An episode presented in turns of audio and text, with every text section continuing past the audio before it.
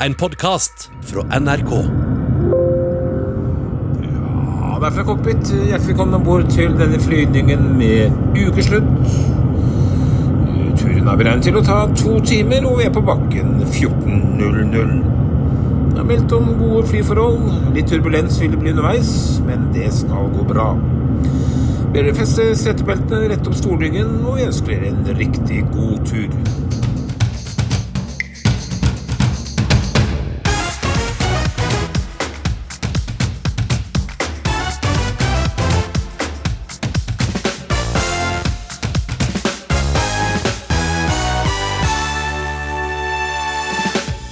Også unge sliter med alkohol og tabu rundt misbruk. For Murmel Oktavia Burås ble Twitter veien ut av den ensomme drikkinga.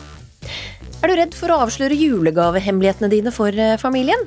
Ta det helt med ro, du får tipsene fra høstens beste på å holde på hemmeligheter, nemlig Maskorama-gjengen. Så har jo flere, både venner og familie, driver jo vært ganske mistenksomme og driver og spurt mye, da. Jeg har heldigvis en baby hjemme som gjør at jeg kan på en måte prøve å skylde litt på henne og si at eh, nei, nei, jeg har ikke tid til å være med på sånt. og Og en eh, kø av folk vil sjekke inn på Gunnars lekefly på kjøkkenet. Med både flysetter, nødlys og serveringsvogn tar han reisehungrige nordmenn verden rundt. Alkoholmisbruk er eh, også et problem blant eh, unge, og et tabu. Murmel Oktavia Burås, velkommen til ukeslutt. Tusen takk. Når smakte du alkohol for første gang? Da var jeg 13 år gammel og var på grønnrussefest. Jeg er fra så bygda, jeg er så gammel. Eh, Og drakk eh, dårlig hjemmebrent og cola med peanøtter i. Og så eh, skulle det gå eh, over ti år da, før alkoholen virkelig fikk eh, innpass hos deg, og hva skjedde? Nei, eh, summen av, eh, av alle de psykiske problemene mine, traumer som på en måte hadde fra barndommen som hadde dukket opp igjen, og i det hele tatt ble altfor tungt å bære. Så da tydde jeg til alkohol for å bedøve det, og, og jeg, jeg orket ikke å forholde meg til det. Visste ikke hvordan jeg skulle leve hvis jeg måtte forholde meg til dette. Hvor mye drakk du da? Mye. Veldig mye. Eh, Jeg gjorde jo ikke noe annet. Jeg sto opp om morgenen, tok en, eh, tok en joint for å drepe kvalmen, og så var det på, på å drikke hele dagen til jeg sovna. Eh, Det kunne gå en periode hvor jeg drakk brennevin. Eh, Heldigvis ikke den lengste perioden. Så drakk jeg gjerne en hel flaske med bourbon eller vodka i løpet av en dag, og med øl i tillegg, da. Oi. Og da, hvordan hadde du det? Helt forferdelig. Det var veldig mørkt. Eh, Jeg skrek mye, sånn helt politisk skrek. Jeg hadde så mye angst. Jeg var så redd. Eh, Vi delte bolig med min samboers mormor, og jeg turte periodevis ikke gå på do eh, nede fordi jeg var redd for å treffe på henne, så jeg tisset i poser og bodde bokstavelig talt på en trone av tomme ølbokser. En skikkelig tøff periode. Det var tungt. Vilde Erikstad Bratland, du er programleder i Innafor her i NRK. Og denne uka sendte dere en dokumentar om unge alkoholmisbrukere. Og da du starta jobben med dokumentaren, så trodde du at det ikke fantes alkoholikere på, på din alder. Hvorfor ikke? Nei, for man har vel kanskje bare fått et sånt bilde av at hvis man skal bli alkoholiker, så må man ha holdt på i mange, mange mange år, og så snakker kanskje foreldrene om at det er han der i huset. Altså at det er noen som er godt voksen, og så ser man kanskje for seg at det er en eldre mann på en benk i, på, i Oslo, liksom. Man ser ikke for seg at det er noen på sin egen alder, for det at alkohol når man er ung, er jo bare artig. Det er liksom russefest, og det er fadderuke, og det er lønningspils, og det er bare kos. Og at da noen på min alder skulle slite med det, det hang liksom ikke sammen med det, der det bildet man har fått av hva en alkoholiker er. Og så oppdaget dere også at det var tabu rundt det. Hvor, hvor vanskelig var det å få unge til å stå fram med alkoholproblem? Det var veldig vanskelig. Vi, bare det å ta kontakt med noen for å ta en samtale på telefon, var det folk som trakk seg fra å gjøre. Eh, og når man da fikk tak i noen, så fikk vi jo forklart at eh, det, det føles veldig flaut å skal slite med noe som alle tilsynelatende får til, og at også man sjøl tenker at alkoholikeren er jo ikke meg, som er så ung og ser ut som alle andre, liksom. Ja. Men eh, så fikk dere flere, da, som vi så, etter hvert. Det gjorde vi. Murmel Octavia Burås, har du kjent på det tabuet rundt å drikke? Veldig. Eh, og jeg tenker at det er eh, en av de farligste tingene med alkohol. Altså selvfølgelig, det, Alkohol er generelt sett veldig skadelig. Men eh, det tabuet gjør at vi havner i den situasjonen hvor folk sitter og har alkoholproblemer, og de skammer seg, og de tør ikke å spørre om, spørre om hjelp, tør ikke å si det til vennene sine. Som vi ser i episoden, så er det mange som har venner som de bekymrer seg for alkoholforbruket til, men det er også svært få som faktisk tar det opp med disse vennene. Og jeg tror det er en direkte konsekvens av skammen og tabu. Men for deg så ble løsninga åpenhet på, på Twitter. Hvordan Ja. skjedde det?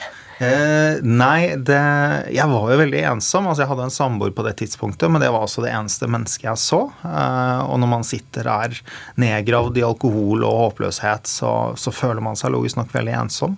Så jeg brukte vel Twitter litt som en sånn eh, outlet, eh, som man sier på godt norsk. Um, for å skrike ut litt av frustrasjon over Nav, eh, frustrasjon over det konstante mørket jeg levde i, osv. Um, og det førte jo da til at eh, jeg etter hvert ble kjent med folk, da, og følte meg sett.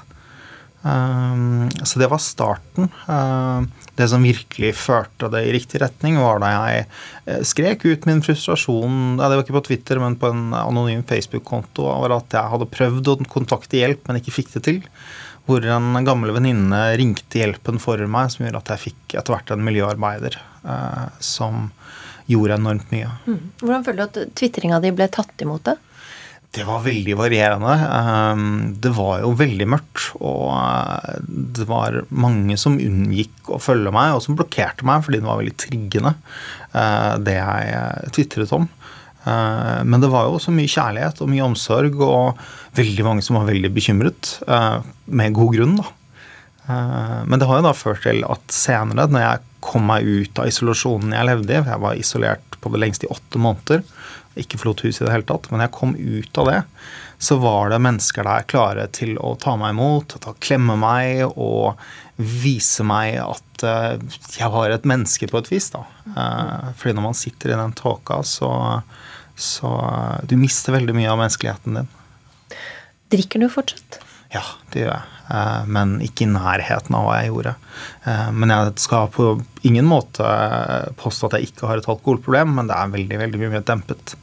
Eh, Så før i, i, går, som før i dag, så drakk jeg, drakk jeg tre halvlitere eh, for å få sove, da, stort sett, egentlig. Eh, Det er det det handler om. Mm. Men det er ikke lenger det der enorme forbruket. Så nå er jeg jo noenlunde fungerende, forholdene tatt i betraktning. Vilde Erikstad Bratland, hva håper du at den åpenheten som eh, unge misbrukere som har stått fram både innafor, men også som Murmel her, da, eh, forteller om sin situasjon, kan hjelpe til med?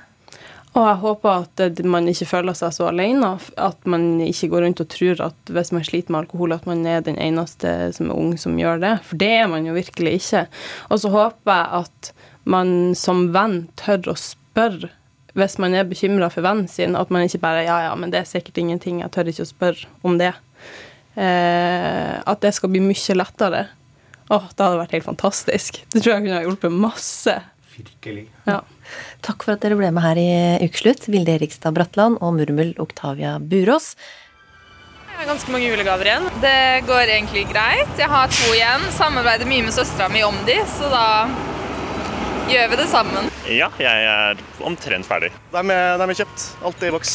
Ja, mange er godt i gang med julehandelen. I november så brukte vi mer penger enn i fjor, og økonomene spår rekord for årets eh, julehandel. Men de små, lokale butikkene sliter. Og bruk så mye penger du kan lokalt, det skriver du, kommunikasjonsrådgiver i Flerveis, eh, Lena Petterson, i en ytring her på nrk.no. Hvorfor er det så viktig å handle lokalt? Det er kjempeviktig, og jeg skrev denne saken fordi jeg, ble litt opprørt. Fordi jeg ser at man skriver så mye om de store som sliter. Og så kjenner jeg flere gründere, mange som driver f.eks. serveringssteder, innen reiseliv, små butikker. Og de ser ikke like lyst på livet. De ser ganske svart på livet. Og eh, flere av de ser kanskje rett og slett et lite konkursspøkelse. Og det er jo bedrifter som har drevet i over 20 år, som nå lurer på om de må stenge, som er i mitt nærmiljø. Småsteder. Så det jeg tenkte, er at hvis vi alle tenker litt mer, da. og tenker litt ekstra denne jula, og kanskje tenker at jula skal vare helt til påske. For det er en lang vinter. Det holder ikke bare til jul med julehandel, men alle kan gjøre litt, da. Ved å gå og handle lokalt, og kanskje heller legge en hva skal jeg si, myk pakke under juletreet som en opplevelse. Det kan være en, hva skal jeg si, et gavekort til en restaurant, det kan være et gavekort til kino, til en kulturopplevelse. altså Tenke litt, for det Jeg skriver det også i kronikken, men satt litt på spissen, så trenger vel ikke Amazon mer penger akkurat nå. nå. Så jeg vil at vi skal handle litt med hjertet vårt, så kan vi hjelpe til. Sånn at kanskje den lokale kafeen min, i hvert fall, kanskje din, er der når våren kommer. For det er ikke noe jeg ønsker mer å ha den i mitt bymiljø. Du kaller det å, å nisse. Men eh, hva har du gjort selv, da, for å støtte de lokale? Jeg går ut. så jeg, jeg, går ut, tar på meg munnbind, bruker masse antibac, er forsiktig, men jeg går på kafé. Og jeg tar også bestiller takeaway, for det er også en annen måte å gjøre det på. At man kan hjelpe til der, til pizzerier og restauranter. Og så forsøker jeg også å tenke at jeg skal handle hos noe som er kanskje lokalprodusert i år. Så jeg har også vært en nisse til et lite bilde, et lite maleri. Så jeg rett og slett eh, forsøker at pengene blir igjen hos de som jeg vil og ønsker skal være der. Og, og, bruke litt mer penger. Det gjør jeg også. Jeg skal være helt ærlig. Jeg har brukt mye mer penger på å gå ut og spise og drikke kaffe og kjøpe kaker og ta med til andre enn jeg ville gjort ellers. Så jeg har vært litt raus, og jeg har ikke så mye penger, jeg skal være helt ærlig akkurat nå, for jeg jobber primært med reiselivsbransjen, og 12. mars hadde liksom bunk. Så var det veldig, veldig stopp. Men så tenkte jeg at vi kan ikke stoppe helt opp, for det er noe med at alle stopper opp, og vi bare pusser opp hjemme og ikke tenker ut av hjemmet, så, så stopper også samfunnet opp. Så og Lena, du er kanskje en slags drømmekunde for Elise Dingstad og Ellen Marie Garåsen her. Dere driver og eier secondhand- og vintagebutikken Frøken Dianas salonger på Grünerløkka i Oslo. Og dere gikk jo da fra stappfull eh, butikk til nærmest folketomme gater her i, i perioder. Og hvilke kreative grep har dere gjort for å overleve? Vi har, eh, husker veldig godt 12. mars, når lockdownen kom. Da hadde vi fått et stort lass med vintage som vi hadde vært og håndplukka. Det sto stabla opp på lageret. Og det første jeg tenkte da, var bare Ok, da må vi gå på Instagram. Så da tok vi plagg for plagg og la ut på Instagram Stories og begynte å selge der. Og siden det så har vi vel egentlig fokusert veldig mye på sosiale medier og på nettbutikken. Og eh, ikke bare ren selging, men å skape opplevelser og sånn på sosiale medier. da, Og ha ja. tett kontakt med kundene der. Dere har også lagd et slags sånn digitalt uh, julekort til kundene? Ja, vi tenkte at i år var det viktigere enn noen gang å spre litt eh, ekstra god eh, julestemning. Eh, folk trenger det. Så vi er veldig heldige som har en gjeng med masse musikalske jenter i butikken. Som vi spilte inn låta selv og filma og har lagd en, spilt inn en cover julesang som ligger ute på Facebook. Og der drar dere med også andre lokale butikker? Ja. Nabobutikkene våre i Markveien er med og vinker i starten av filmen, så vi har veldig godt samhold, eh, alle småbutikkene på Grünerløkka. Mm. Og dere våkna også til litt av et stunt for noen, eh, ja, det var noen få uker siden? Ja. Det var et fantastisk stunt på Grünerløkka. Det var jo Behold Oslo som hadde satt opp Det var en gjeng med 20-åringer, tror jeg, som på eget initiativ hadde satt opp store plakater Eh, McDonald's åpner kanskje her. Altså Starbucks, masse forskjellig. Og det var sånn skikkelig øyeåpne for mange. Det var mange som gikk på Løkka den dagen og ble oppriktig redde. For de var sånn Hæ? Kommer McDonald's her nå? Starbucks der? Hva, skjer nå? Og så var det jo et stunt for å få en bevisstgjøring, da. Hva forbrukere kan gjøre, som du snakka om i stad. Det her med at man faktisk eh, bruker sin forbrukermakt på å støtte de som man vil skal komme seg gjennom denne eh, perioden. Og I butikkvinduet deres så er det nå litt av en uh, juleutstilling. Eh, det inneholder bl.a. et toalett og et koronavirus. ja. Vi, eh, vi, har ikke så mye overs, til, til, overs for dette viruset, så vi fant ut at det ville vi uh, bokstavelig talt trekke ned i dass. Så vi var på Finn og på Gisport og fant oss en, et rosa toalett. Og så har vi en kunstnerkompis som har hjulpet oss med å lage et skikkelig skrekk inngytende eh, koronavirus som da ligger oppi denne doen og ja. Derfor hjemme. Trukket ned. Av en glamorøs dame som står der og har pynta seg helt alene på badet sitt og bare rett i dass med det. Ja. Litt sånn humor må man jo ha, da. Ja, og Lena Pettersen, vi har også sett noen andre store aktører også i et slag for eh, de små. Ja, vet du hva, jeg ble så glad går. Du spurte meg hva har du gjort, da? og jeg glemte helt i farten å si at jeg starta for fire uker siden Handle med hjertet. På rent initiativ på Facebook hvor jeg legger ut poster da, og fremmer og bruker litt av mine penger på det. Men det som da rørte meg veldig i går, det var når administrerende i Skeidar Nei, Skeidar, Jernet, beklager. Sto, eh, sto frem og sa at trenger onkel en stekepanne til. Og det er jo helt fantastisk når han går, går ut da, og så oppfordrer alle til å heller da handle eller nisse i lokalmiljøet. Og ikke minst det som han oppfordrer til, er å støtte og handle hos restaurantene. Altså kjøpe gavekort hos restaurantene, så spisestedene er der etterpå. For som han sier, det blir jo et veldig trist bilde, eller bybilde, hvis du skal gå nedover en gate, og så ser du at liksom annenhver restaurant er stengt så lever f.eks. Jernia. Så jeg syns at det var kudos til Jernia. Helt fantastisk. Helt da er mm, oppfordringa sendt ut til alle P1 og P2-lytterne i hvert fall. Takk skal dere ha, kommunikasjonsrådgiver Lena Petterson og Elise Dingstad og Ellen Marie Garåsen fra Frøken Dianas salonger. Koronaen ble årets eh, nyår, nyord kåret av eh, Språkrådet. Men eh, også Holdemeteren, Melaninrik og Nødlandslaget havnet på lista over de ti mest interessante nyordene i 2020. Ali Mohammed, er dette ord som er lette å forstå, vil du si? Men Det kommer an på konteksten. så Hvis ordene kommer flere ganger, det, jo, det blir jo lettere å få med seg bildet. Så ja, det er de tingene som breger nyhetene overalt. Du jobber i fylkeskommunen i Vestfold og Telemark, og du har skrevet en bok, 'Griseflaks', som forklarer norske uttrykk for somaliere. Hvorfor det? Du, jeg kom jo til Norge 31.1.2012 som kvoteflyktning. Og jeg husker jo fortsatt eh, hvor vanskelig det var å forstå norsk. Eh, det er ikke bare bare å flytte til Norge og lære alt eh, liksom uten bakgrunn eller noen som helst aleine. Du går jo på skolen, men ellers uten nettverk eller noen ting. Så jeg sleit jo med å forstå norsk, og gikk jo på trynet flere ganger på jobb og andre steder. Eh, og det er jo noen som jeg ser på jobb, og andre steder eh, elever eh, sliter. Så jeg, jeg, tenk, jeg, jeg, prøvde å få tak i ting på biblioteket og andre steder, men jeg fant jo ingenting. Og da tenkte jeg vet du hva, jeg må sette i gang. Så jeg begynte å, å skrive, og det tok jo to år. Og nå er jeg i havn, så ja. boka kommer jo snart. Så det blir spennende.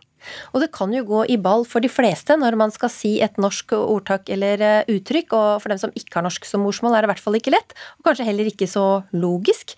Bare hør her fra serien eh, Svart humor, som testet folk på gata. Fullfør dette norske uttrykket. Å sette skjegget i A. Postkassa.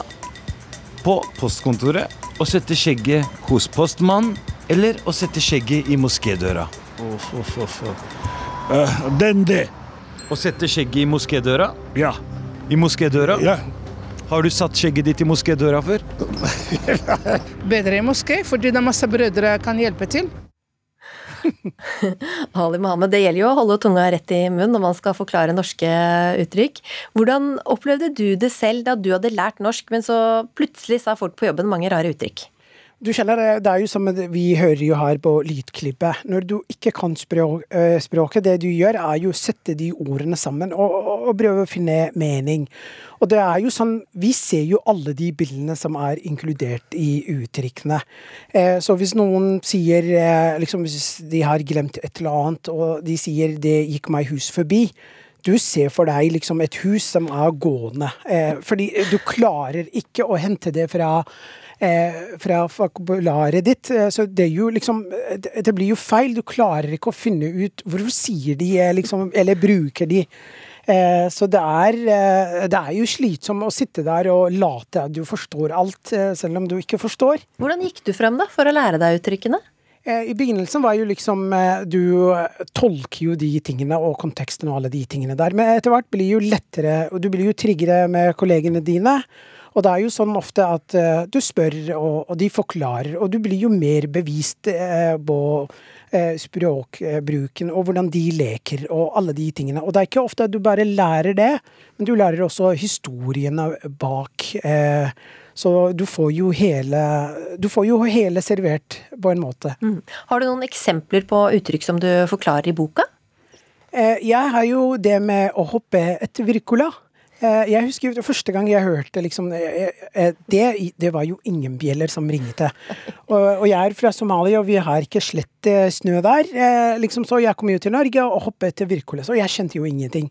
Så de forklarte jo det med liksom Bjørn Virkola og alle de tingene. Han var jo god å hoppe ski, og, og det blir jo sånn at du lærer hvordan de har kommet fra sporten og hvordan man kan bruke. Og det er jo liksom eh, Ski er jo stort i Norge, og det er jo der eh, det kommer fra. Eh, så det blir jo lettere å forstå hvordan det brukes, men også bruke det i daglige tale. Så det er jo Du går jo på en måte på skolen hver eneste dag, og folk jo bruker jo ubevisst, men jeg sitter jo der og registrerer alle de uttrykkene, så det er jo det blinger jo opp i hodet mitt eh, hver gang noen bruker eh, en uttrykk. Ja, du suger det til deg. Det blir kanskje førstemann til mølla da, for å kjøpe boka di 'Griseflaks', Ali Mohammed. Ukeslutt er på lufta med disse sakene. Parisavtalen som skal redde klimaet fyller fem år. Hva bør en femåring få til? Vi har spurt ekspertisen. Femåringer I, i, I hvert fall jeg, da. Jeg greide å ta salto. Vinmonopolet får ikke utvidet åpningstidene før jul, tross anbefaling fra Folkehelseinstituttet. KrF har sutra fått vilja si, mener Siv Jensen. Frp kan ikke overprøve ethvert smittevernsråd de ikke liker, svarer KrFs Jorunn Lossius. Først nå. Bygde-Norge er i ferd med å bli en kirkegård. En eh, ny rapport viser at det nå nesten ikke er unge igjen i distriktene. De aller fleste av dem har flyttet til byene, bl.a. VG-kommentator Tone Sofie Aglen. Første dør til høyre. Første dør til høyre. Det er den klassiske historien, det. Jeg flytta fra min hjemplass med ei bitte lita øy til Trondheim for å begynne å studere. og ble nå boende. Men jeg har jo gjort noe som er ganske uvanlig, at jeg har flytta igjen i voksen alder til Oslo. Så jeg sitter nå her godt innafor Ring 3 og snakker om distriktene. Så man møter seg sjøl litt i døra noen ganger. I mange tiår har folk flyttet fra bygda og inn til byene. VG-kommentator Tone Sofie Aglen var en av dem. En gang til, Tone Sofie. Der, ja. Forrige uke kom rapporten som viser at de små kommunene her i landet står i fare for å dø ut. Fødselstallene synker, og befolkningen, ja, de blir stadig eldre. Og ifølge Aglen kan dette føre til mer gnisninger mellom by og land, og mellom ung og gammel. Jeg tror nok at uh, mange tenker på byfolk som uh, kanskje bitte lite grann arrogant og sjølopptatt og bryr seg ikke så veldig mye om uh, hvordan uh, ting er rundt omkring i, i, landet. Og jeg tror vel kanskje at uh, noen i byene tenker litt det samme om folk på bygda. Så vi har nok sett en litt sånn polarisering av tonen mellom bygd og by det, de siste årene. Og det er kanskje ikke helt uten grunn. Vi har i hvert fall sett noen år at det har vært en del politikk som oppleves som sentraliserende. Vi har hatt en del kommunesammenslåinger. Eh, nedleggelse av lensmannskontor og andre ting som gjør at mange opplever at eh, det går litt eh, i den retningen. Og da er det naturlig at folk blir redd for å miste jobbene sine og for å miste tjenestetilbud. Aglen har vokst opp på øya Gjæringa i Trøndelag, som ifølge Wikipedia har 18 fastboende, men selv uten henne der, så er det håp. Ja, det var i hvert fall 18 bosatte. Nå har vi faktisk hatt en aldri liten befolkningsvekst. Så um, i skrivende stund så tror jeg faktisk at det er 23 fastboende på øya. Så det er veldig bra. Det er en suksesshistorie. så jeg håper blir større. For i løpet av de siste tiårene har mange småkommuner innsett at noe må gjøres for å opprettholde det gode liv på bygda. Flere kommuner har åpnet for å prøvebo og i Steigen vil de gi 16-åringer lappen. Men kommunen kommune er ideell for ei prøveordning der 16-åringer kan få kjøre bil. I Finnmark betaler du mindre skatt og får skrevet ned studielånet ditt raskere. Selv Bø i Vesterålen har prøvd seg på økonomiske lokkebiter. Åtte millionærer har flytta til Bø etter at det ble kjent at kommunen kutter i formuesskatten. I Fyresdal har de ansatt en påvirker for å dokumentere hverdagslivet i kommunen, og i Tingvoll får alle nyfødte en velkomstpakke fylt med gavekort og informasjon fra kommunen. Mens i Narvik får alle nyfødte med flyktningbakgrunn strikketøy for å kunne holde seg varme fra topp til tå. Det skal ikke stå på kreativiteten, og en av de kommunene som har dårligst utsikter, ja, det er Årdal. I sommer lyste de ut denne stillingen. Innbyggere, nå ansetter de en egen hodejeger for å tiltrekke seg flere folk. Hodejegeren er nå ansatt og bærer navnet Astrid Øvstetun. Den siste tiden har hun ringt mange utflyttere for å høre hva de kunne tenke seg for å komme hjem tilbake til Årdal. Ja, jeg har vært i kontakt med en del. Jeg tenker jo sånn som uh, inntrykket mitt så langt det er at det er ingen som sier absolutt nei, vil ikke tilbake til Årdal. Og med kommuneslagordet 'Meir enn du trur', så kan det ventes store ting av innlandskommunen. Men jeg må jo nesten spørre da, Astrid. Har dere foreløpig klart å få til noe? Ja, altså vi har eh, Nå eh, i sommer har det flytta en del nye familier hit. Eh, da, spesielt fra, eh, fra Belgia. Og vi har to-tre familier som flytter hit nå i desember og januar. Og det er både hjemflyttere og, eh, og tilflyttere som, som ikke har tilknytning til Årdal fra før av. Så ja, absolutt. Litt lenger nord i landet finner du kommunen Åfjord, og klarer du å navigere deg ut mot havgapet, så finner du Stokkøya og tilbakeflytteren Roar Svenning. For meg så var det rett og slett å prøve å komponere en virkelighet som jeg selv ville flytte inn i. Svenning tok saken i egne hender og startet prosjektet Bygda 2.0. Et forsøk på å gjøre bygda mer lik byen, med ting å gjøre selv etter klokken 17. Kveldsøkonomi er plasser som er åpne etter klokka 17, som ikke er en bensinstasjon eller et supermarked. Fordi folk i dag trenger i større grad eh, sosialt nøytrale plasser for å treffes. På Stokkøya i Åfjord er det nå flere arkitekttegnede hus, et mikrobryggeri, et bakeri, en konsertscene og flere serveringssteder. Altså, Du har ikke lyst til å ha en sosial nedgradering. Du vil jo gjerne flytte deg oppover eller bortover i livet. Du vil ikke nedover. Men tiden er i ferd med å løpe fra Distrikts-Norge, forklarer utvalgsleder for demografirapporten, Viktor Nordmann. Jeg håper jo vi har 30 år. Jeg frykter at vi har 10. Men et eller annet sted mellom 10-20 år har vi på oss til å, å sørge for at eh, Bygde-Norge, og jeg tror også kanskje deler av Småby-Norge, for at de skal kunne få ha, ha en langsiktig fremtid. Selv med så dystre tall er nordmann sikker på at det kommer til å ordne seg til slutt. Noen har vokst, og noen har gått tilbake. Sånn har det alltid vært. Og sånn skal det fortsatt være, for det må være noe dynamikk her. Men at mange distriktskommuner vil klare det flott, er jeg ikke i tvil om. Det er noen som gjør det veldig bra allerede. Men hvorfor er det så viktig å ha folk utenfor byene også? Nei, altså, vi kunne sikkert klare oss da, men da stiller spørsmålet Da kan vi jo lykkes samle alle sammen i Oslo, da. Altså prøve å gjøre Oslo til en kopi av New York. Men da ville jeg altså heller ha bodd i New York.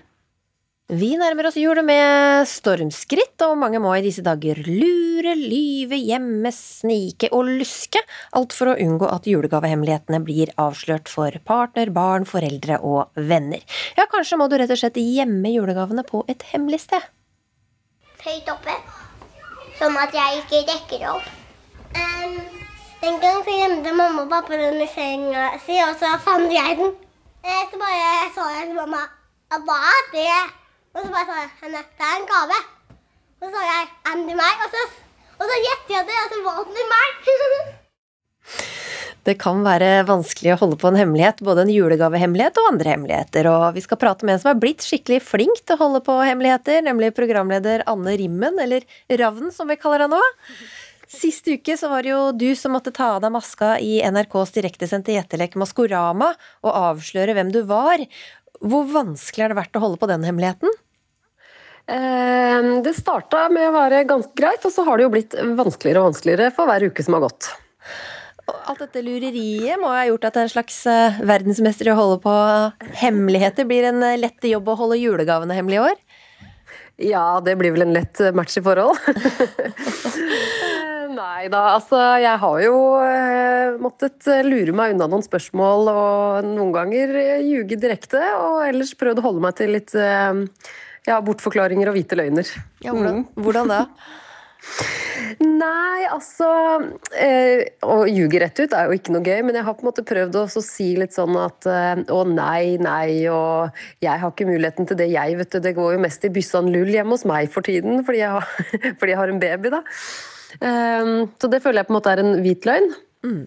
Eh, En ren rett ut løgn er når jeg sier eh, at jeg gjør noe helt annet enn det jeg har gjort de siste lørdagskveldene, da. En av dem som faktisk vet hvem som fortsatt skjuler seg bak eh, maskene, det er deg, designer Kjell Nordstrøm. Det er du som lager kostymene til deltakerne, fra Trollet til Vikingen og Elgen. Hvor vanskelig er det å holde på den hemmeligheten? Du, det er ikke så vanskelig, for at, du vet, for det første så har jeg bare jobbet hele høsten og vinteren her. Så, um, så jeg har ikke hatt noe sosialt liv, og det har vel nesten ingen annen hatt heller pga. korona. Men um, så jeg har jo tenkt så her at hvis jeg bare unngår å gå på fylla med venner, og unngår å, å ha venner, holdt jeg på nesten å si, men uh, så, så går det jo fint. Men så jeg jeg skylder på min dårlige hukommelse og vet du. Så at når, folk spør meg, så jeg bare Jeg husker ikke. Så uh, da gir de seg, de fleste. Det er jo også mange som maser nå for tida. Mamma, hvor har du gjemt julegaven min, og hva har du kjøpt meg? Hva, hva er ditt beste råd, da, for ikke å avsløre en hemmelighet? Jeg tenker det, Dårlig hukommelse er jo en veldig bra unnskyldning. Eh, Men sen er det jo litt sånn med julegaver. Det er, litt sånn, det er ikke noe gøy hvis man åpner julegavene før julaften. Og Maskorama er jo litt det samme. Det hadde ikke vært noe gøy hvis vi hadde avslørt hvem som er bak maskene før finalen. Nå får jo alle vite det i kveld uansett. Mm. Anne Rimmen, eh, en deltaker i den amerikanske versjonen dro av seg maska fordi han ikke orka mer. Du var ikke frista til det underveis, da? Eh, nei, det var jeg ikke. Men det skjedde jo faktisk det forrige, forrige lørdag at eh, min maske holdt jo faktisk på å revne av seg selv, så det, det holdt jo på å skje på direkten der. Så På direkten, Anne. Ja, det gjorde jo det, Kjell, men vi, vi klarte å lure oss unna. Jeg klarte å holde den på plass. Og så er jo Kjell en eh, mester også på å gjøre ting eh, under tidspress, så han klarte jo å fikse den, da. hvordan mellom, fikk- mellom de, mellom ja, de to fikk- gangene jeg var på. Hvordan fiksa du det, Kjell? Nej, altså, vi har jo en lite sånn her, som vi kaller for traumeavdeling bak scenen som er en blanding av en systue og en sykestue. Der, så hvis noe skjer så har vi jo alt mulig av liksom materialer, apparater og redskap og sånn. Så, for vi, vi vet jo at ting kan skje og det har, det har skjedd litt drama bak scenen men kanskje det mest dramatiske var vel kanskje når ravnen revnet på direkten og produsent eh, Krim Strømstad kom løpende til meg og sa så, så du hva som skjedde, så du hva som skjedde? Så, ja, sa jeg, jeg så det, dette ordner vi. Og da, eh, står vi klare tre stykker med eh, alt som trengs og, og, og fikser det. Men det er jo det som er litt gøy også, det går live. Vi, har jo, vi, vi tenker jo sånn at alt kan skje, men uansett hva som skjer, så blir det jo en god historie ändå. Men, men akkurat det at uh, ravnen, eh, masken revnet under haken midt på direktesending, det det, var, det var kanskje litt vel dramatisk. Eh, Både Anne og Kjell, er dere gode på å avsløre hemmeligheter selv da, når andre har hemmeligheter? Jeg, jeg prøver, eller liker å tro at jeg er god på å holde hemmeligheter. Eh, Hvis noen forteller meg noe som er hemmelig, så, så holder jeg det hemmelig, altså. Men har du føler det. mm. Jeg er også god på å holde hemmeligheter. Men er dere ute etter å liksom finne ut av hemmeligheter som dere ikke skal? Ikke skal? Nei, altså jeg er veldig nysgjerrig på hvem som skjuler seg bak de tre siste kostymene som vi får vite i kveld. Det skal jeg absolutt ikke legge skjul på, eh, som alle andre. Men ellers så er jeg litt sånn sånn som Kjell sa i stad, at eh, det er jo ikke noe gøy å, å åpne julegavene før julaften heller. Det er jo en del av greia. Og så får man lov å titte litt, da. Og kanskje få lov å til og med klemme litt på noen pakker. Men, eh, men man må ikke prøve å åpne de for tidlig. Da forsvinner litt av magien, syns jeg. Og så var det det der med å ikke lyve for mye, da. Hva gjør du når barna dine spør om nissen fins? Altså, jeg eh, er jo sånn at jeg syns at vi skal holde på den så lenge det går. Nå har jeg jo da en fireåring, og han tror i aller høyeste grad på at nissen fins. Eh, og så har vi en baby på åtte måneder, og hun skjønner ikke verken det ene eller det andre likevel, så hun trenger vi ikke å gjøre noe med. Men jeg syns jo det er gøy at han tror på det. Jeg synes det er gøy at han tror på at vi har en rampenisse som gjør sprell hver eneste natt her i huset. Ehm, så ja, jeg syns det er noe av det som er gøy med å få lov å bare være barn og tro på, tro på litt sånne ting som vi voksne vet at ikke er sant, da. I kveld, ja, Kjell? Du tror fortsatt på nissen? Jeg tror på både nissen og trollet og elgen, jeg. Ja, det er jo bra. Det er veldig bra. Man skal være barn så lenge man kan, tenker jeg. Det, er- det er veldig fint. Beholde barnet i seg. Og det er jo ganske mye, mye, barnlig glede i Maskorama også, for der er det jo finale i kveld. Og alle er jo spent på hvem det er som skjuler seg under eh, maskene. Og nå har vi prata om mange gode tips til å holde på hemmeligheter, men jeg, jeg prøver meg likevel. hvem er det? Hvem er det som skjuler seg bak masken, Kjell? Jeg aner ikke. jeg aner ikke. Du vet at De kommer jo maskert, og de går maskert, så jeg aner ikke. Kanskje de har lurt meg òg? Jeg vet ikke. Ja, Nå syns jeg du var god til å holde på, på hemmeligheten, som, selv om jeg har følelsen av at jeg blir lurt nå også. Takk skal dere ha, Anne Rimmen og Kjell Nordstrøm. Nok hemmelighetskremmeri.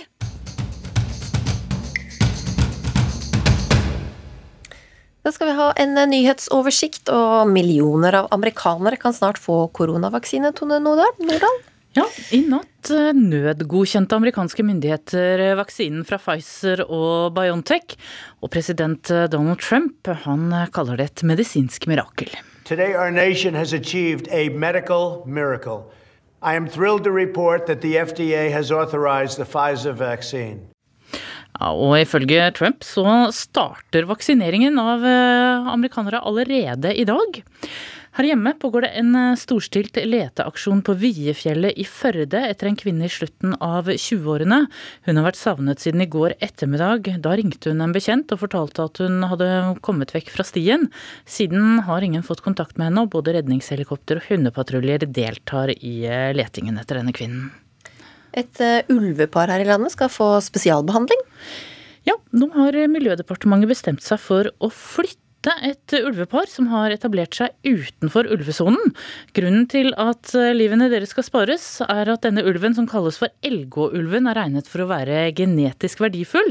Ulvebestanden ved Deisjøen i Østerdalen er sterkt preget av innavl, og håpet er at denne Elgå-ulven da kan bringe inn eh, nye gener. Spørsmålet er hvordan får man en ulv til å flytte?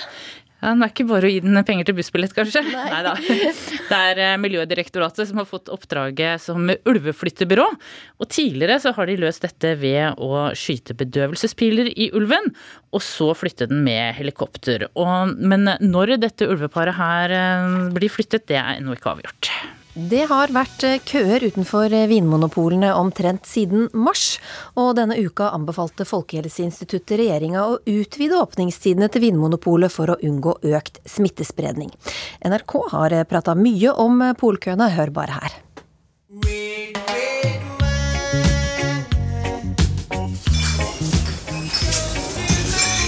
Polkø, og det var et kjent fenomen i Norge i gamle dager. Men nå så har køen kommet tilbake mange steder i landet, bl.a. fordi folk ikke får handla på taxfree. Har telt er rundt 20 stykker eh, på utsiden, og så tenker jeg at det er rundt 20 eh, stykker som også står i kø på innsiden. Og sammen med meg så er det to stykker som jeg fant midt i køen, men nå er dere nesten, nesten fremst i køen. Eh, Adrian og Mathilde, hvorfor Polet i dag? Vi må ha opp vind. Hadde dere forventet at det skulle være kø i dag eh, utenfor polet? Absolutt. Det har vært kø utenfor polet i tre uker. Ja, det har vært mye kø, så vi, venter, vi regna med det. At det kommer til å være det i hvert fall nå, for de fleste prøver å handle før, før det stenger. Men helseminister Bent Høie mente det ville bli for komplisert å utvide åpningstidene til både butikker og vinmonopol, og fulgte ikke rådet til Folkehelseinstituttet. Og det var ikke veldig smart, mener du Siv Jensen, leder i Fremskrittspartiet. Hvorfor burde regjeringa sagt ja til dette? De burde sagt ja til det av hensyn til eh, fleksibilitet og hensyn til eh, folk eh, flest. Det er jo sånn at mange er litt urolig for å gå ut i butikken. Og når NRK og andre rapporterer om lange køer, så skaper det utfordringer for veldig mange. Og Så mener jeg at hadde man utvidet åpningstidene, så kunne det også medført flere arbeidsplasser. Så dette hadde vært en lur greie å gjøre, og det er ikke så komplisert som eh, regjeringen skal ha det til. Det handler bare om et hurtigspor på en eh, forskriftsendring, så her tyder det på at regjeringen eh, ikke velger å følge, følge Folkehelseinstituttet sine anbefalinger. Har tatt en politisk avveining, og det virker på meg som det er KrF sin motstand mot ja, tilgjengelig alkohol som har trumfet. Stortingsrepresentant for Kristelig Folkeparti, Jorunn Lossius. Hvorfor var det riktig da å si nei til å utvide åpningstidene? Det er jo ingen hemmelighet tenker jeg, at KrF står for en ansvarlig alkoholpolitikk. og Det er viktig, og det er vi òg veldig stolte av. Men det er jo ikke det det her handler om. Det her handler om smittevern og regjeringas vurderinger for alles beste. Det ligger en helhetlig vurdering til grunn, basert på mange hensyn. Bl.a. hensyn til de ansatte i bransjen som har blitt kjørt på høyger i ti måneder. og Mange av de ansatte er rett og slett utslitt. og jeg tenker at det, det er foreldre blant de her, og jeg mener at vi ikke bør frata dem de sårt trengte feriedagene de trenger, også med sine nærmeste og barna sine, for å komme seg etter et kaotisk år. og Verken arbeidsgiver eller arbeidstakere mener at det er nødvendig å utvide åpningstidene. Hovedorganisasjonen Virke sier også at butikkene klarte det her veldig godt i påska. Og at de kommer til å gjøre det også igjen nå i forbindelse med jula, uten at det trenger å gå utover ansattes muligheter til å få forberedt seg og få feire jul. Siv Jensen, er det mye å kreve av slitne butikkansatte å jobbe ekstra i førjulstida? For å være helt ærlig så tror jeg ikke de ansatte på polet er uh, mer slitne enn f.eks. helsearbeiderne våre som jobber uh, mye mer krevende skift. I butikkene så jobber man helt organisert. Uh, så jeg kjøper ikke det argumentet i det hele tatt. Og hvis det er sånn at man skal ta hensyn til smittevern, ja da burde man jo i hvert fall lagt til rette for større fleksibilitet, sånn at folk slapp å stå i disse evige køene. Låsys, hvorfor trumfer ikke smittevernet her? når selv Folkehelseinstituttet mener det hadde vært lurt? Ja, Folkehelseinstituttet la jo fram en rekke forslag til tiltak som de ba regjeringa vurdere. og Det har man gjort. og Ut ifra en helhetlig vurdering så har man kommet fram til at det beste er å være å utvide åpningstidene for alkoholsalg. Og Regjeringa har jo styrt landet vårt veldig godt gjennom pandemien til nå. Eh, og det er tydelig at folk flest har stor tillit til at regjeringa og at de ønsker å følge de reglene som blir gitt. og Da tenker jeg at det er ingen grunn til at Frp nå skal overprøve ethvert smittevernsråd som de ikke liker, eller som ikke er i tråd med deres politikk, og forsøke å drive et slags eh, stortingsregjereri. Da. Det er ikke det norske folk tjent med. Jeg tenker at De siste ni månedene de har handla om å tilpasse seg, og det har vi blitt skikkelig gode på. All honnør til folk der ute. Jeg er veldig trygg på at folk vil greie å planlegge og tilpasse innkjøpene sine på samme måte som de greide det i påska. Siv Jensen, altså, er dette en unnskyldning for å teste ut egen alkoholpolitikk? Altså, nei, det er det jo ikke. Og, men igjen så hører vi når man skyver begrepet helhetlig vurdering foran seg, så har man tatt politiske avveininger. Det er jo sånn at Regjeringen sier veldig ofte at vi, vi legger de helsefaglige vurderingene til grunn. Derfor gjør vi sånn, og derfor strammer vi inn slik. Eh, her har man jo ikke lagt eh, Folkehelseinstituttets anbefalinger til grunn. Man har tatt en helt egen vurdering. Eh, til tross for at køene er lange, til tross for at folk skal prøve å bli ferdig med julefeiringen sin. Og det er ingen her som prøver å overprøve eller drive stortingsregjereri. Vi aksepterer at regjeringen har tatt denne beslutningen. Men regjeringen og regjeringspartiene må finne seg i at noen av oss faktisk mener at det hadde vært klokt å løse det på en annen måte. Eh, og veldig komplisert er ikke dette. Det handler om å legge til rette gjennom en forskriftsendring, sånn at det hadde vært mulig å ha eh, lengre åpningstider, fått spredt folks handlevaner over en litt lengre tid, flere dager. Eh, det hadde gjort det fullt mulig å få dette til, men eh, her virker det på meg som det er KrFs alkohol angst som har fått lov å trumfe dette. Men helseministeren sa jo at dette vil kreve en endring av loven og endre disse åpningstidene. og Det hadde jo du erfaring med da du satt i regjering og dere skulle åpne på pinseaften og påskeaften. Det tok sin tid, og det skulle også forhandles avtaler med, med de ansatte. Arbeidstidsavtaler. Tror du det hadde latt seg gjøre så tett opp mot jul? Ja, det hadde latt seg gjøre. På samme måte som regjeringen nå kjører hurtigspor på mange andre lover og forskrifter, bl.a. for å endre reglene for innreise. Der hørte vi Monica Mæland eh, helt nylig si at dette kunne gå i løpet av 48 timer. Så det er klart dette hadde gått hvis regjeringen hadde villet gjøre det. Og jeg vet utmerket godt fra mine seks og et halvt år i regjering at uh, dette handler i realiteten bare om vilje, ikke om Men her tror jeg noen har hatt vondt i viljen. Lucius, syns det har vært vondt i viljen hos regjeringa? Nei, på ingen måte. Som sagt så er det en helhetlig vurdering til grunn. En vurdering for alles beste. og jeg tenker det at uh, jeg er veldig stolt av måten denne regjeringa fører en veldig ansvarlig alkoholpolitikk på. Der hensynet til de som sliter og deres pårørende får veie tyngst. Og vi vet at 90 000 barn lider under voksnes alkoholmisbruk, og at altfor mange barn gruer seg nå til jula pga. det. Og Det er veldig viktig å huske på nå som vi går inn i jula, at vi alle tar hensyn til nettopp for dem. fordi julefeiringa må jo først og fremst være for barna. Men hvis vi holder på åpningstidene der, ja. hørte jo, der hørte vi jo nettopp det som er eh, min påstand, nemlig at det er de alkoholfaglige vurderingene som har fått trumfe, og ikke hensynet til folk flest og juleinnspurten og julestria. Så da har jeg jo rett i min påstand om at det er KrF sin motstand mot å gjøre endringer i alkohollovgivningen som ligger til grunn. Låshus, det er jo mange permitterte i Norge. Sikkert en del som kunne tenkt seg en godt betalt ekstravakt på Vinmonopolet f.eks. før jul. Hvorfor ikke bruke den uutnytta arbeidskrafta? Som sagt så vil verken arbeidsgivere eller arbeidstakere det, er ingen av de som mener at det er nødvendig å, utvide åpningstidene i butikkene. Og, Hovedorganisasjonen virker veldig tydelig på at butikkene klarte det her veldig godt i påske. At det ikke er noen grunn til å gjøre det nå.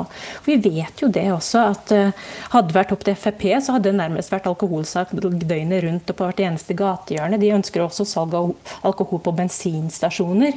og det er jo en veldig dårlig idé. Eh, så ja, vil du det, Siv Jensen? Alkohol på bensinstasjoner? Nei, men Det har jo ingenting med det å gjøre. Det handler bl.a. om distriktspolitikk. Hvor uh, vi, vi, har uh, Det er altså fullt mulig å nå uh, i dag å bestille alkohol fra Vinmonopolet og få det levert til post i butikk. mens mange steder så er jo den løsningen en helt annen. så jeg mener det er en avsporing av denne diskusjonen. Vi får sette strek der eh, for i dag. Takk skal dere ha, Siv Jensen, Frp-leder, og Jorunn Lossius, stortingsrepresentant for Kristelig Folkeparti.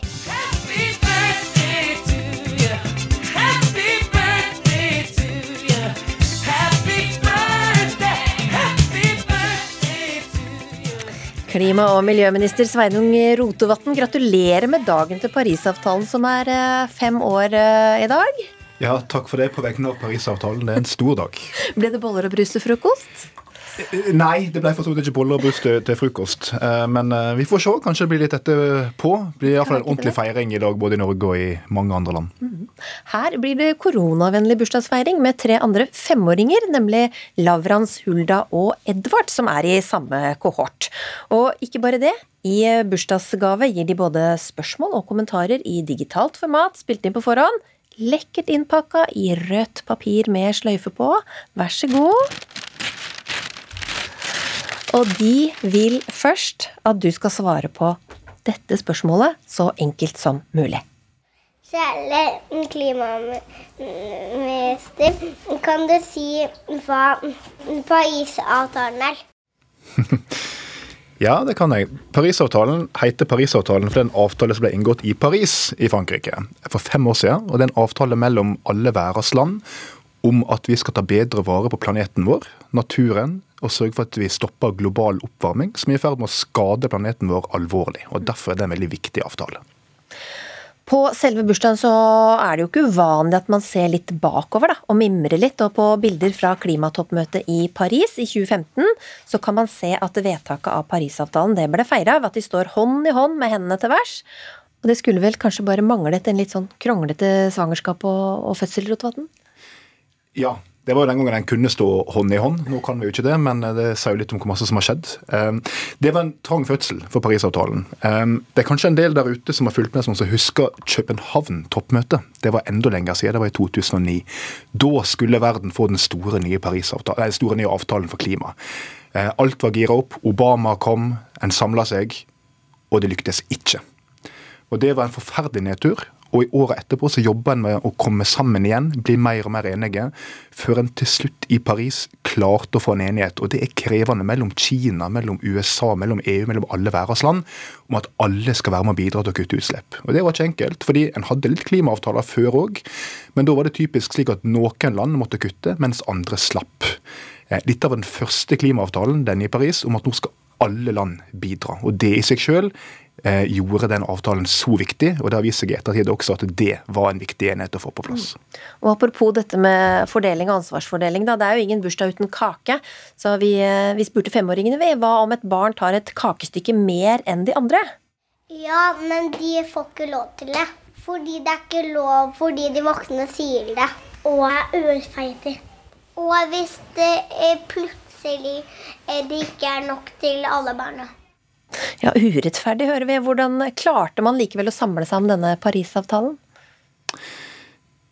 Det var nok fordi at alle barna i selskapet etter hvert ble blitt såpass voksne at de skjønte at det funker ikke at noen får lov til å ete kake så masse de vil, mens andre ikke kan. Eh, og når en etter hvert skjønte det, så ble en enige om at alle må forplikte seg til å kutte utslipp. Det er ikke bare noen som må ta den jobben. Eh, og det var et kjempeviktig steg. Eh, Bl.a. fordi at land som tidligere ble regna som vi får si, veldig fattige og underutvikla, og derfor slapp å ta miljøansvar, f.eks. Kina og India, jo hadde blitt veldig utvikla og veldig rike og veldig store. Kina er jo verdens største utslippsnasjon. Så det at alle måtte være med å bidra, det var rett og slett helt avgjørende for å stoppe global oppvarming. For det, det, det var ikke lenger slik at det bare var Europa, USA og Vesten som sto ansvarlig for klimagassutslipp og kunne stoppe dem. Alle måtte med. Men uh, jubilanten hadde vel uh, bare så vidt lært seg å gå før det ble trøbbel i paradis, og en venn ikke ville være med og leke lenger, nemlig USA.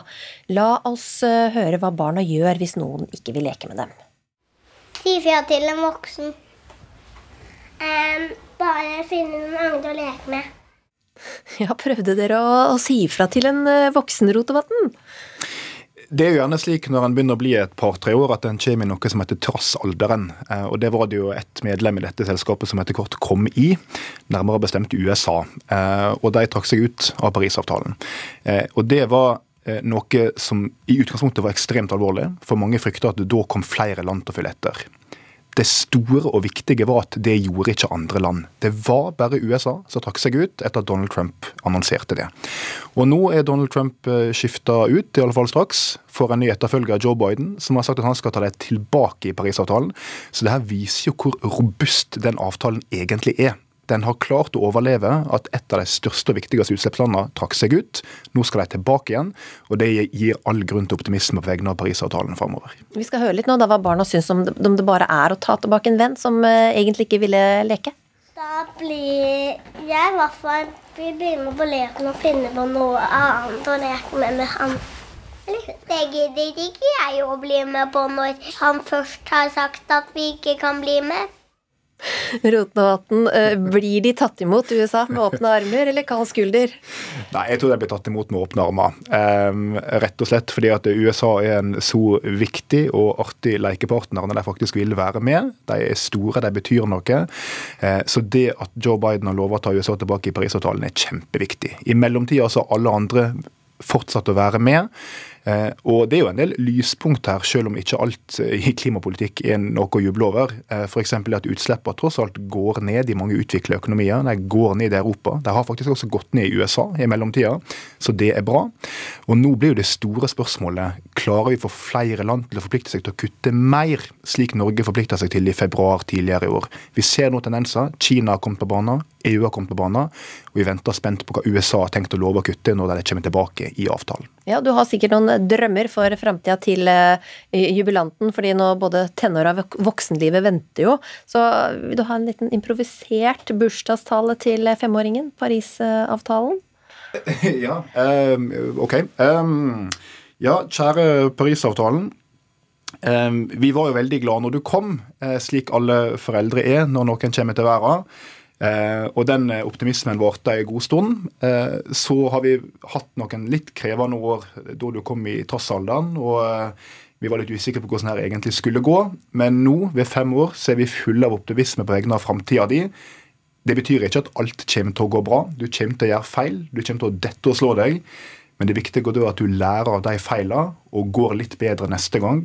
Og klarer å bli stadig flinkere til det som er grunnen til at du har kommet til verden og det at du skal stoppe global oppvarming. Og det tror vi at du kommer til å klare. God feiring videre, klima- og miljøminister Sveinung Rotevatn. Ukeslutts reiseplan videre ser omtrent sånn ut. Håndball-EM går helt uten publikum, men Rune Tribune sparer ikke på verken vikinghjelm og bjeller foran skjermen hjemme. Og vi nærmer oss eh, takeoff i Sandefjord. Gunnars fly hjemme på kjøkkenet oppfyller stadig flere reisedrømmer. Er fra cockpit. Vi nærmer oss innflygningen til Sandefjord.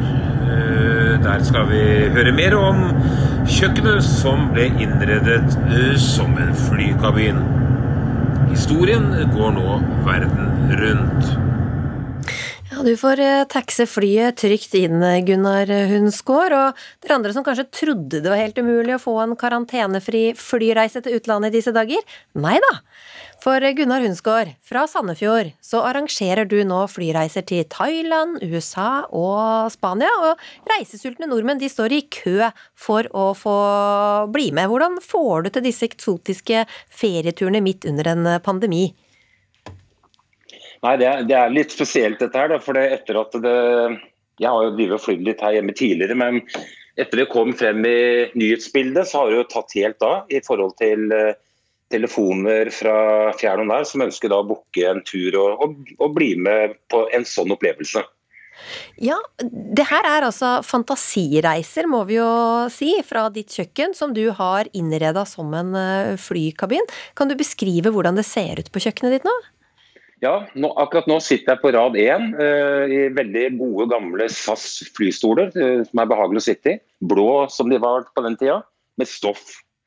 Uh, og Det er tre rader. Jeg har fire, men den siste raden er i garasjen. For nå er det jo ikke så mange. Jeg kan jo bare ha maks fem passasjerer i forbindelse med koronaen. Og så, så er det en kabinvogn med alle rettigheter som du vanligvis finner da om bord i en SAS-maskin.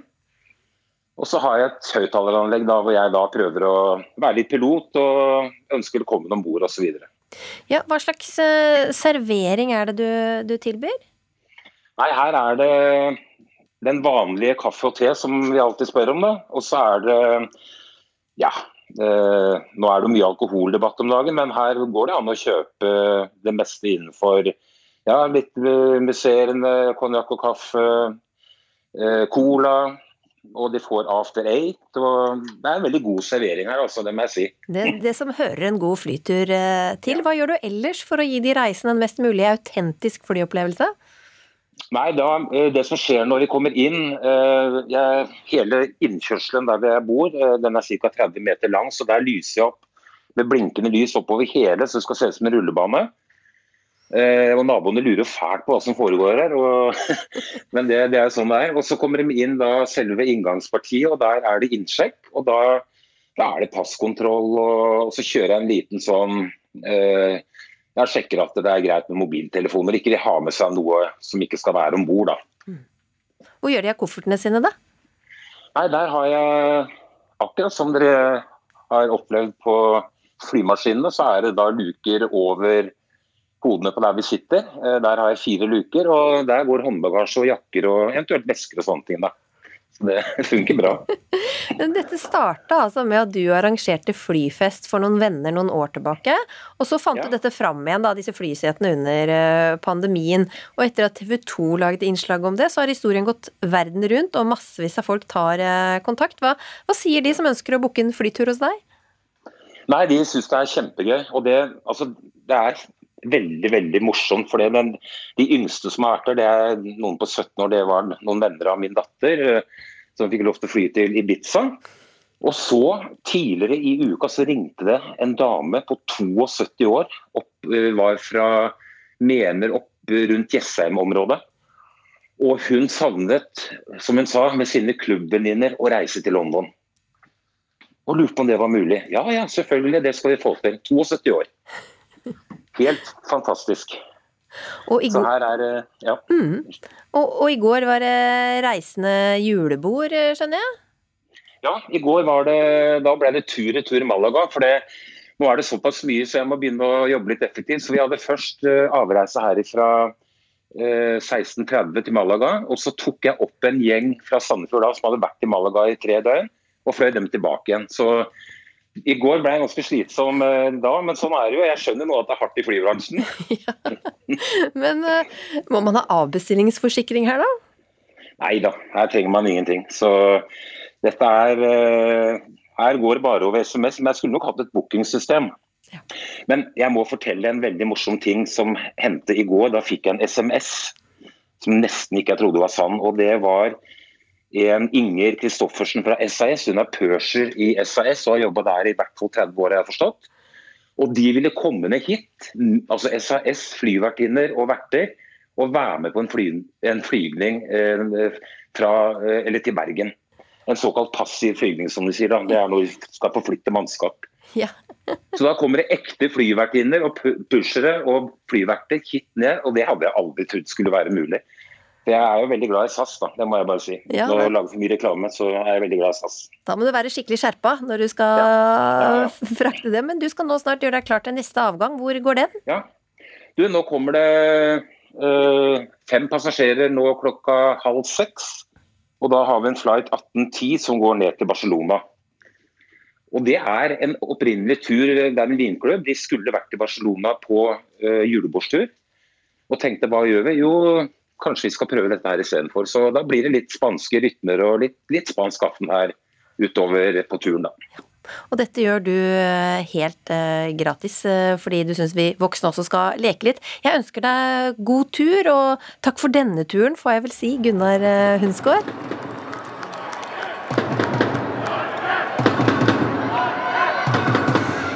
Sånn høres det vanligvis ut når håndballjentene spiller eh, EM-kamp. Full jubel på tribunen fra supportere med det norske flagget på T-skjorta, kubjell i hånda og vikinghjelm på hodet. Men under håndball-EM i Danmark, som pågår nå, så er det strenge smitteverntiltak som gjelder, og knapt noen å se på tribunen. Så nå har vi henta inn litt eh, ekstra forsterkninger for å få opp stemninga før kampen i kveld. Rune Eikeland, kjent som eh, Rune Tribune, kan vi høre deg lage litt liv for håndballjentene? Ja, kom igjen, Norge! Kom igjen, Norge! Kom igjen! Ja! Der vinner vi! Kom igjen!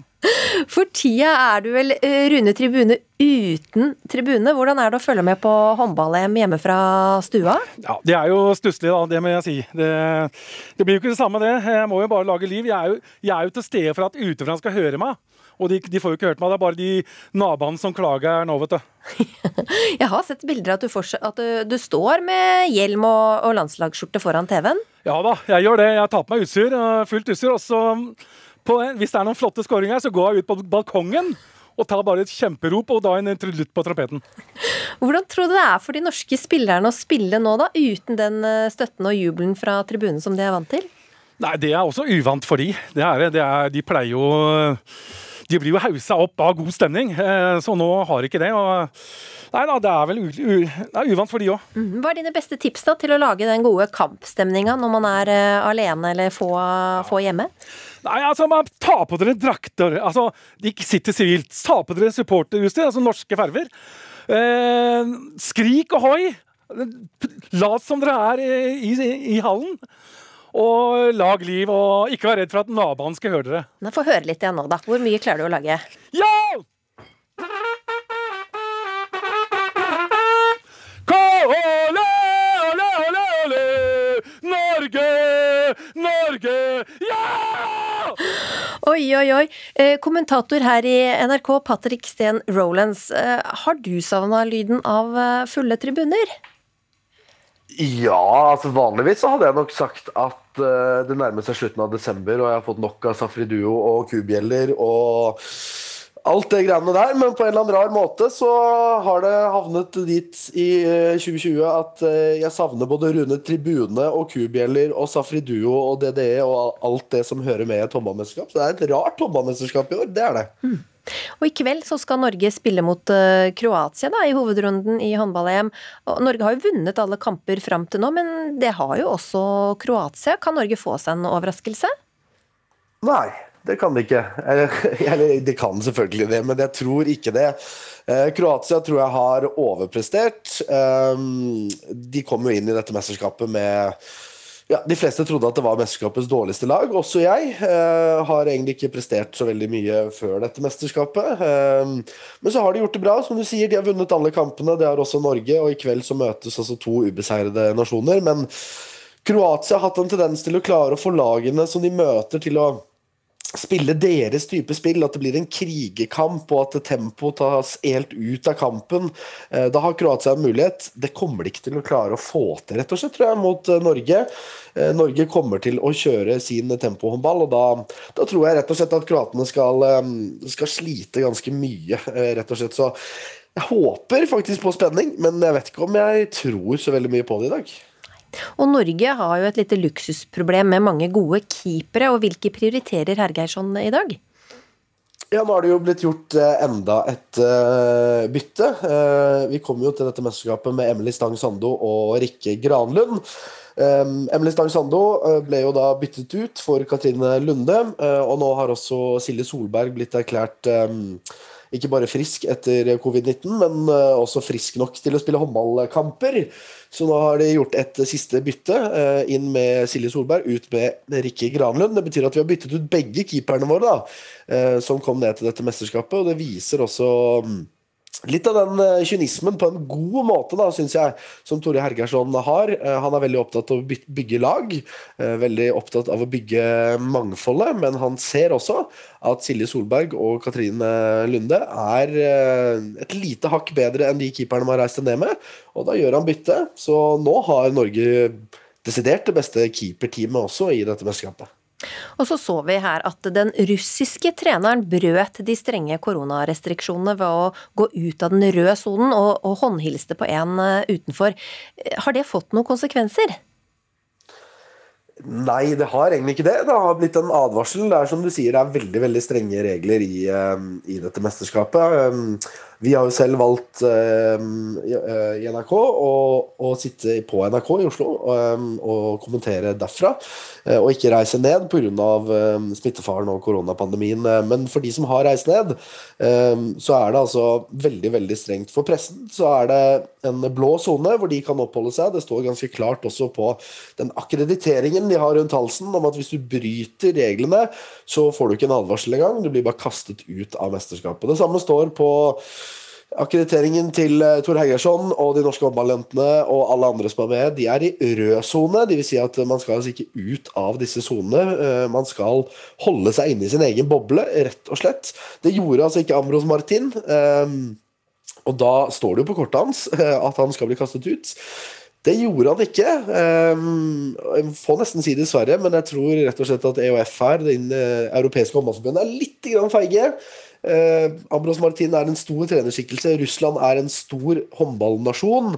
Eh, så det ble advarsel til Ambros Martin og eh, også han som han eh, hilste på, som var vel en i det russiske håndballforbundet. Og tre andre som har fått hilsener Nei, hilsener, sier jeg. Ja. nå er det jul. Eh, tre andre som har fått advarsler. Men Eh, vi får se da om noen bryter reglene igjen nå, om de da blir kastet ut. Det skal jo være greia, for det skal jo være smittefritt. De skal mm. være inni en boble for å få til dette håndballmesterskapet her. Mm. Rune Tribune, eh, vet du hva mange supportersanger eh, Har du en liten smakebit av oss? Ja, altså vi har jo bare masse rop, da. Kom igjen, Norge! Kom igjen! Kom igjen, Norge! Kom igjen! Og vi kommer til å vinne gruppa, eller med hovedrunden. Og, og da slår vi da Russland eller Frankrike i semifinalen og finalen. Det er det, vi, det er det, alle nordmenn håper på. Takk Rune Eikeland og Patrick Steen Rolands. Kampen hører du i kveld klokka 18 på NRK Sport. Da har vi landa denne to timers flygninga med ukeslutt. Ansvarlig for sendinga var Line Forsmo. Teknisk ansvarlig Eli Kyrkjebø. Og i studio hørte du meg, Linn Beate Gabrielsen. Du har hørt en podkast fra NRK. Hør flere podkaster og din favorittkanal i appen NRK Radio.